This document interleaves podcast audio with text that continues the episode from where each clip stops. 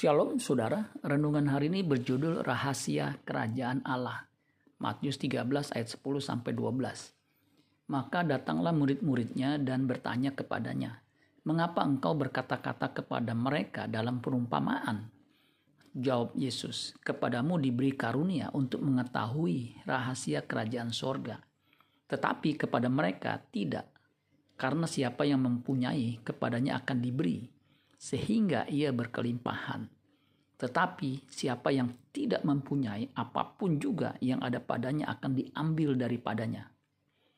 Rahasia kerajaan sorga adalah manusia diubahkan oleh firman Tuhan sehingga hidupnya berkualitas tinggi alias berbuah berlipat kali ganda. Matius 13 ayat 23 yang ditaburkan di tanah yang baik ialah orang yang mendengar firman itu dan mengerti dan karena itu ia berbuah, ada yang 100 kali lipat, ada yang 60 kali lipat, ada yang 30 kali lipat.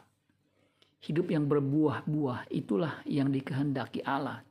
Hidup yang berbuah hanya bisa terjadi jika kita meresponi firman Allah dengan benar. Dan jika kita tinggal di dalam Kristus serta menghidupi kehidupan Kristus. Yohanes 15 ayat 4 sampai 8 tinggallah di dalam aku dan aku di dalam kamu. Sama seperti ranting, tidak dapat berbuah dari dirinya sendiri kalau ia tidak tinggal pada pokok anggur.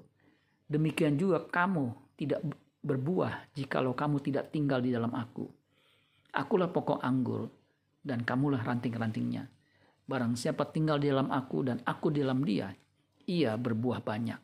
Sebab di luar aku, kamu tidak dapat berbuat apa-apa.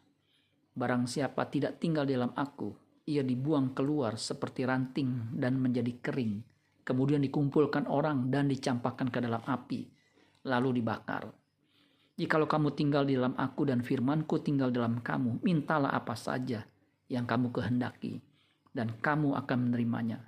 Dalam hal inilah Bapakku dipermuliakan, yaitu jika kamu berbuah banyak, dan dengan demikian kamu adalah murid-muridku.